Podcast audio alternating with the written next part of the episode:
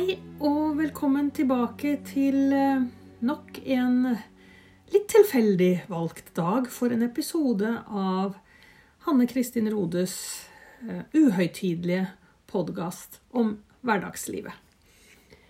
Det regner ute, og det er høst, og det er pandemi.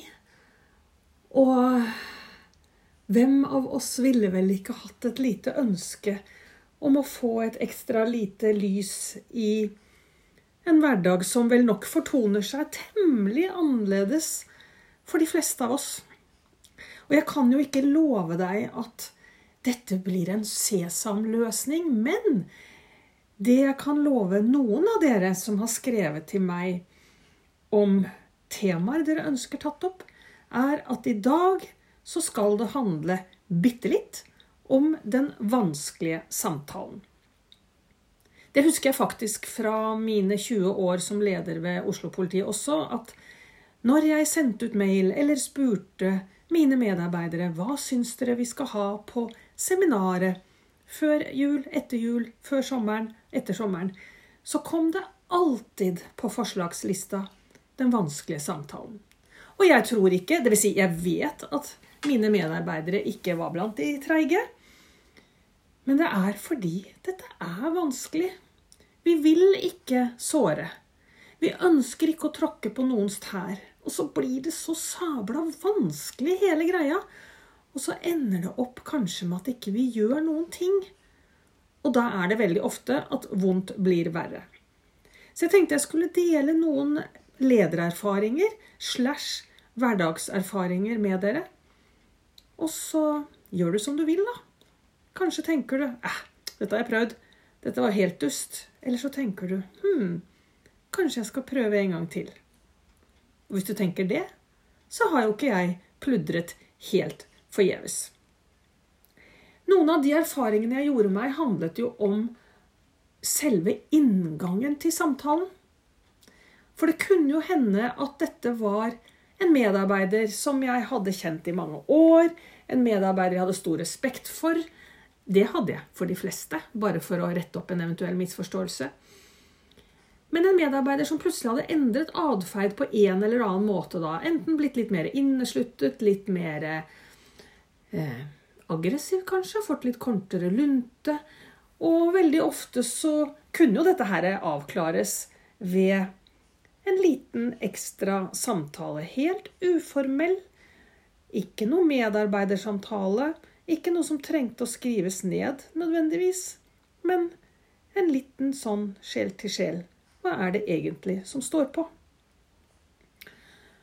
Uansett om det skulle være uformelt eller måtte inn i en litt større sammenheng med en innkalling og et referat, så var det vanskelig. Det var sabla vanskelig hver gang. Og eh, så skjønte jeg at det aller første jeg må gjøre, det er jo faktisk å være meg bevisst på hvordan jeg innkaller. For når jeg er leder, når jeg er en formell overordnet, så er det veldig fort gjort at um, vi ikke er i balanse og likeverd bare av den grunn. Det er liksom sjefen som skal si noe. Og uansett hvor vennlig man forsøker å være, så er det veldig fort gjort at avstanden er stor. Og hvis jeg da sier eller skriver at jeg ønsker å ta opp noe med deg. Denne tilbakemeldingen, disse ordene som vi så ofte har brukt. En tilbakemeldingssamtale. En litt konstruktiv kritikk. Som om det på en måte skulle løse all verden. Det er ganske kunstige ord, egentlig. Eller dette jeg vil ta opp noe med deg, da, som jeg nevnte. Så vet jeg at hvis Eller de gangene, i de årene, jeg hadde en leder, en sjef, som jeg ikke likte. Og det skjer jo fra tid til annen, at ikke alt går på skinner. Og noen av disse kom og sa 'jeg vil ta opp noe med deg'. Da ble jeg negativ. Steike så negativ jeg ble. Jeg ble i grunnen i et sånt modus at jeg tenkte du kan si hva du vil, men jeg kommer til å drite i alt. Og det er kanskje litt eh, barnslig, det er ikke spesielt modent. Men det er veldig menneskelig. Og kanskje kjenner du deg igjen allerede nå. Du har blitt invitert inn på kontoret, eller kalt inn på teppet, som noen velger å kalle det, til en som skal ta opp noe med deg, og du bare kjenner 'jeg er ikke interessert', og du kjenner deg så bitte liten. Og hvis du har opplevd den følelsen av å føle deg bitte liten, så vil du helt sikkert ikke at andre skal få den følelsen når du har lyst til å ta opp noe og få noe litt mer på skinner. Så etter at jeg hadde da vært på etterutdanning hos Jan Spurkeland om relasjonskompetanse og tilpasset ledelse og alt dette her, så fant vi fram til noen nye begreper. Og en av de begrepene var utfordringssamtale, til forskjell fra tilbakemeldingssamtale. Fordi hvis det kommer et menneske til meg, uansett om jeg syns mennesket er fantastisk eller sånn passe, eller helt bånn i bøtta, og sier 'jeg har lyst til å utfordre deg på noe', så skal det litt mer til før jeg blir vrang. Jeg er altså litt mer på stell ved inngangen til samtalen. Og da antyder jo jeg at minst 50% av mine medmennesker reagerer på samme måte som meg. Så bare ved et lite semantisk løft, en liten språklig forbedring, så kan vi oppnå det helt vesentlige at vi er i balanse og likeverd ved inngangen til samtalen. For det er min påstand, og også min erfaring, at hvis vi ikke greier det, så er samtalen bortkastet. Og når jeg skal bruke en halvtime eller en, ti, to, eller en time, eller to timer kanskje, på en medarbeider for å få forbedret et eller annet, så er det mitt innstendige ønske at samtalen skal virke. Så smak litt på den. Punkt én utfordringssamtale. Og det går an å bruke den i heimen òg. Du har en liten pøbel eller pøbelinne som eh, liker å finne på noen fantstreker, eller du har en tenåring som av og til kan få deg til å rive deg ganske kraftig i håret. Går det an å si 'dø', jeg har lyst til å utfordre deg på noe, til poden eller podinnen, og se når jeg fram da? Jeg for min del eh, måtte vente til vi hadde passert eh, tidspunktet for leggetid. Eh, da ble velvilligheten mangedoblet fordi man øynet muligheten til noe godt å spise og prate. Og selv en liten utfordring kunne fortone seg som litt luksus. Så det er lov å bruke alt bare det er rent, bare vi ikke har en møkkete agenda. Og det er et veldig viktig punkt to. Hvis jeg, eller når jeg skal ta opp noe med noen, eller utfordre noen på noe som er de ordene jeg helst bør bruke, så må jeg ikke ha en skjult agenda. Hvis agendaen er at jeg egentlig vil noe annet, at jeg egentlig ønsker å gavne meg selv, at jeg ønsker å hevne meg litt, at jeg har behov for litt, å bruke litt spisse albuer for å oppnå noe, så er det fryktelig lett gjennomskuelig. På et eller annet tidspunkt så trår vi feil, og om ikke annet så vil stemmen, ordene eller kroppsspråket avslører meg. Så jeg må se meg selv i speilet og vite har jeg en helt ren agenda når jeg nå går inn i denne tilbakemeldingssamtalen, eller altså utfordringssamtalen. Sjekkpunkt tre det er jo hvordan vi sitter. Og dette her har vi snakka fryktelig mye om i Oslo politi i min tid der. At jeg ikke skal sitte bak skrivebordet, og denne medarbeideren da skal sitte på en stol, sånn at det liksom vi understreker forskjellen. Det beste er å sitte slik at det fysiske ikke speiler et over- og underordnet forhold. Om man skal ha kaffe eller blomst, det overlater jeg til hver enkelt. Noe kan fremstå som det reneste bedrag. Men så langt det er mulig, forsøke å få de fysiske omstendighetene til å funke. Og da er det to ting som er ganske interessant, som ikke handler om selve rommet, men som handler om min framtoning. For det er klart, hvis jeg da skal utfordre noen på noe, og la oss si at jeg er av de som har en litt kraftig stemme. Jeg snakker litt høyt, har vanskeligheter for å dempe meg. Jeg snakker litt høyt, og så kanskje litt tydelig. Jeg har en tydelig eh, måte å være på. Det er det jo ganske mange som har. Men den jeg har kalt inn, det er en som liker å snakke ganske lavt. Som aldri hever stemmen. Kanskje er født med en veldig forsiktig stemme. Og hvis jeg sitter og snakker som dette, så er det veldig vanskelig å få til balanse og likeverd. Så jeg må øve meg på å senke stemmenivået. Og er du mann og har en litt kraftig stemme og tenker for noe sludder, så er jo det helt opp til deg. Men da må du kanskje ikke bli overrasket om ikke samtalen virker etter sin hensikt. En annen sak er at jeg av og til, når jeg hadde litt dårlig tid, men jeg måtte presse inn en eh, utfordringssamtale. Og så begynte jeg å snakke fort. Og da tenkte jeg hvis jeg nå setter opp tempo og så bare forklarer veldig, veldig, veldig fort hva dette her handler om, så kommer vi i mål. Og at dette kommer til å gå så fint. Og så var det bare det at jeg skulle snakke med en som snakker veldig langsomt. Da kan ikke jeg pipe og gå i dette tempoet, for vi greier ikke å kalibrere oss inn på hverandre. En absolutt forutsetning for at den vanskelige samtalen skal begynne å funke, er at vi tuner oss inn på hverandre. Og er jeg sjef slash leder i et arbeidsforhold, så har jeg det største ansvaret for å tune meg inn på den andre. Er vi i privatlivet, så kan det være nok akkurat her og nå, tror jeg, å oppfordre deg til å legge merke til disse fysiske forutsetningene og se hva du får gjort. For hvis balanse og likeverd tryner ved inngangen til samtalen eller i løpet av samtalen, så vil ikke samtalen virke. Da blir det konkurranse. Da vil vi konkurrere om å beholde makta. Og det er ikke så synlig for alle, men hvis du tar for deg noen få eksempler fra ditt privatliv eller jobbliv, og går, borer litt i dybden på samtalen, da vil du oppdage konkurransen. Hvis det var en samtale som ikke virket. Du vil også oppdage hierarkiet. At dere slåss om å stå høyest i hierarkiet. Og så vil du kanskje noen ganger oppdage manipuleringen, som kan være så uendelig skjult. Den kan komme nesten som ros.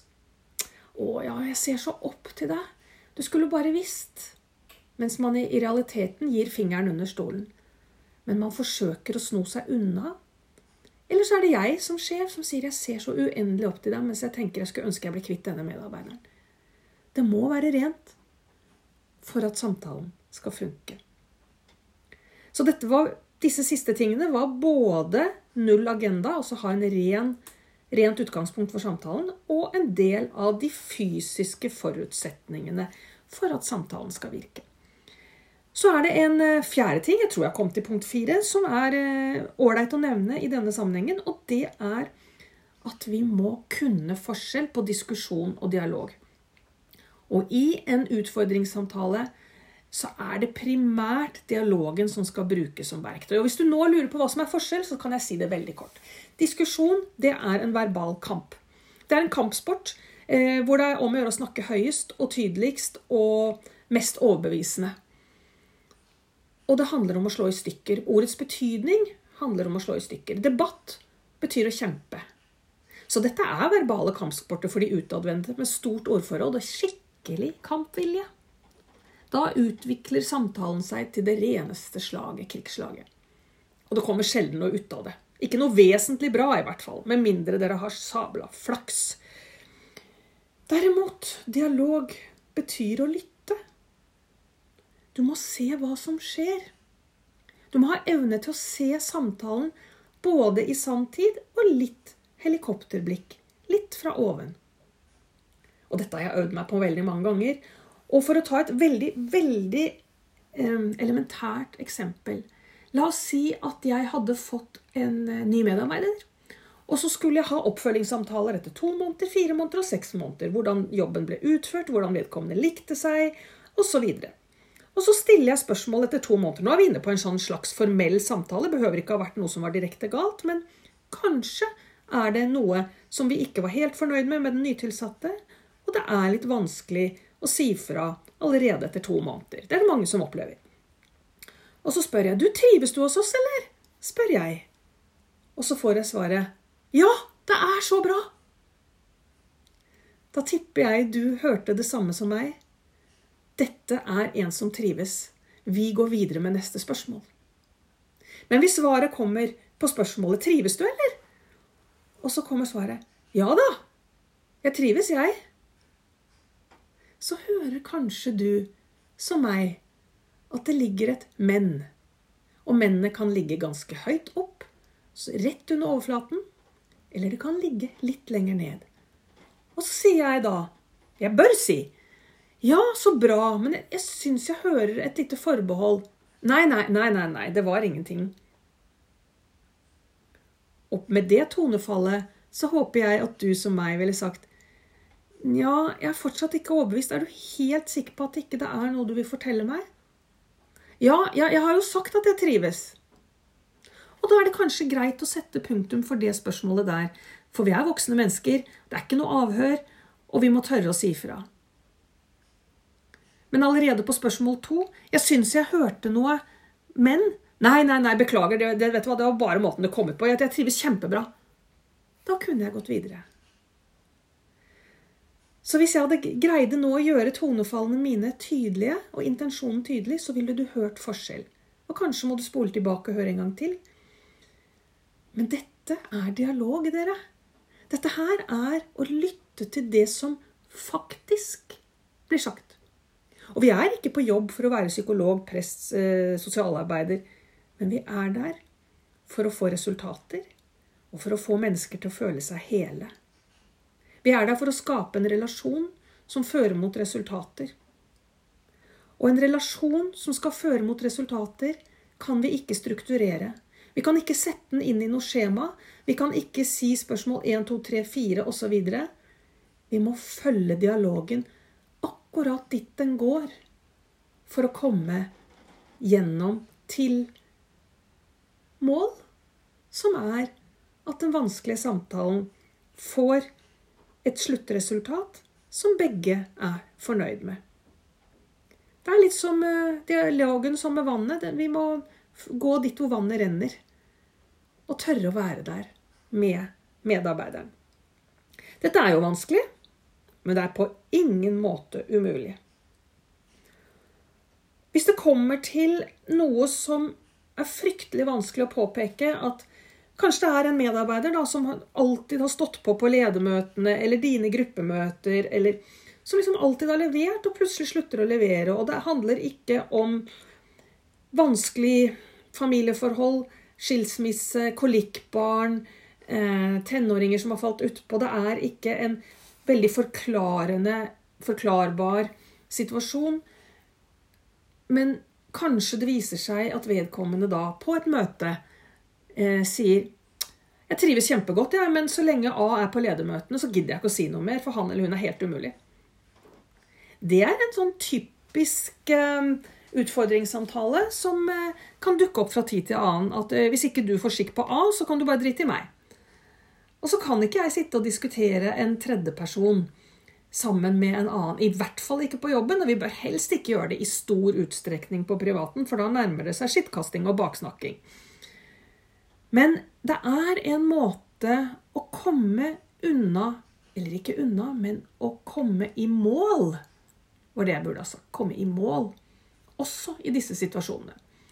Fordi hvis jeg setter meg ned og sier La oss holde på dette caset med at det er en som har sluttet å ta ansvar og si noe på ledermøtene. Og hvis vi da ser for oss at jeg setter meg ned og går rett på sak og sier du, um, jeg har lagt merke til at du har sluttet å bidra på ledermøtene. Det syns jeg er så leit. Jeg vil gjerne ha deg tilbake til det der du var, for du er verdifull. Og så kommer det en skikkelig langt foredrag fra den jeg da skal utfordre, på at A er en dust og tar all energien i møtet, og før jeg som leder av dette møtet og generelt på seksjon, før jeg har rydda opp, så kan jeg bare glemme å få noen forbedringer for bla, bla, bla, bla. Og jeg sitter der litt støkk og forsøker fra alle vinkler, men kommer som regel ikke noen vei. Altså, samtalen virker ikke. Hvis jeg i stedet går inn og setter meg rolig ned og sier du, før jeg forteller deg hva jeg har lyst til å utfordre deg på, kan ikke du bare si noen ord om hvordan du opplever ledermøtene våre? Da kan det hende jeg får akkurat den samme eh, greia. At det er helt umulig. A tar all energi, og før jeg har fjernet A, så er det ikke noe vits å prøve på noe som helst. Men det som er den store forskjellen, er at da er det ikke jeg som har fortalt denne medarbeideren at han eller hun ikke bidrar. Fordi i løpet av det svaret at å, det er helt umulig og A tar all energi og sånn, så kommer det i 99% av tilfellene et lite tillegg. Dette har jeg nemlig erfart. Og så sier vedkommende Og du har sikkert lagt merke til det, men jeg har sluttet å bidra pga. dette. Og da kan jeg gå inn og si Jeg kan ikke kommentere A, som du nå har snakket lenge om, men jeg hører du sier du har eh, bidratt lite pga. dette. Og det var faktisk akkurat det jeg hadde tenkt å utfordre deg på. Kan vi ikke snakke litt om det? Og da har medarbeideren fått lov til å vise at han eller hun har selvinnsikt. Vet hvordan man oppfører seg. Og jeg har ikke det hele psykologiske svaret til deg på hvorfor dette går lettere, men det gjør det altså. Det er lettere når medarbeideren får muligheten til å fortelle selv hva som er vanskelig. At ikke jeg sitter og dikterer hva som er vanskelig. Og samtalen får en annen inngang. Den virker på en annen måte.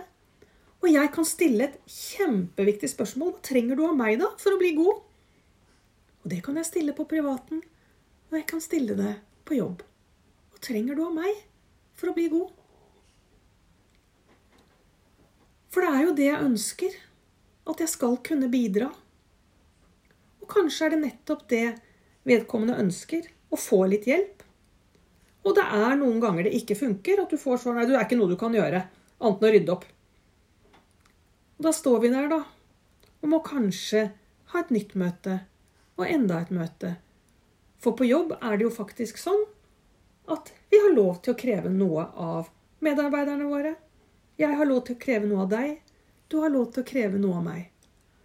Men hele konseptet for den vanskelige samtalen handler om å nå fram til hverandre. Det handler om en mental berøring.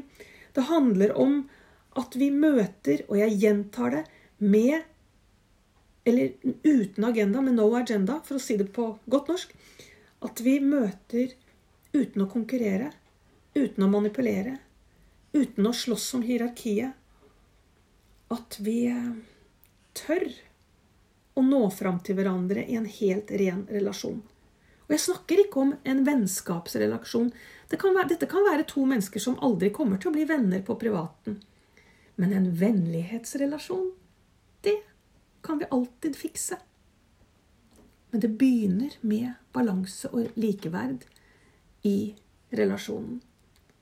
Og på et sjelsnivå så er det alltid balanse og likeverd. Det er vi menneskene, det er hodene våre, som skaper eh, hierarkier, problemer, utfordringer og vanskeligheter. Og det er de samme hodene som kan løse opp.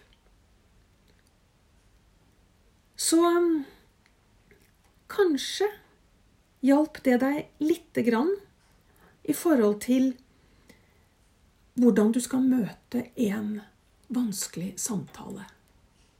Og det aller siste jeg har lyst til å tilføye, er du trenger en stor dose relasjonelt mot. Og det har jeg ikke noe trylleformular for. Det er egentlig sånn at du bare må bestemme deg. Det å ha den psykologiske kraften for å tørre å fortelle et annet menneske hva som står på. Men du må fortelle det, og jeg gjentar det for fjerde gang, fra et rent sted. Hvis du er for brå, hvis du er eh, formelt over i hierarkiet, hvis du snakker for høyt eller for fort, eller hvis du tenker at eh, denne subben her må bare få det til, så er det ikke sikkert at du lykkes. Og da nytter det ikke å peke på noen andre og si 'jeg har visst ansatt feil folk', eller 'åh, jeg tror jeg drar'. For eh, oftest så hjelper det å snu speilet mot seg selv. Det å løse et problem starter med oss selv. I egen styrke. Det å stå i egen styrke og kjenne at nå er jeg faktisk helt på plass. Da har du alle forutsetninger for å lykkes. Det var det jeg hadde på hjertet i dag i denne vanskelige tiden. Men eh, ingenting er så vrient at vi ikke kan løse opp i det. Men det kan hende det får et utfall vi der og da ikke liker. Det kan jeg ikke love deg ikke vil skje. Men det er alltid lys bortenfor mørket. Takk for at du følger. Vi høres.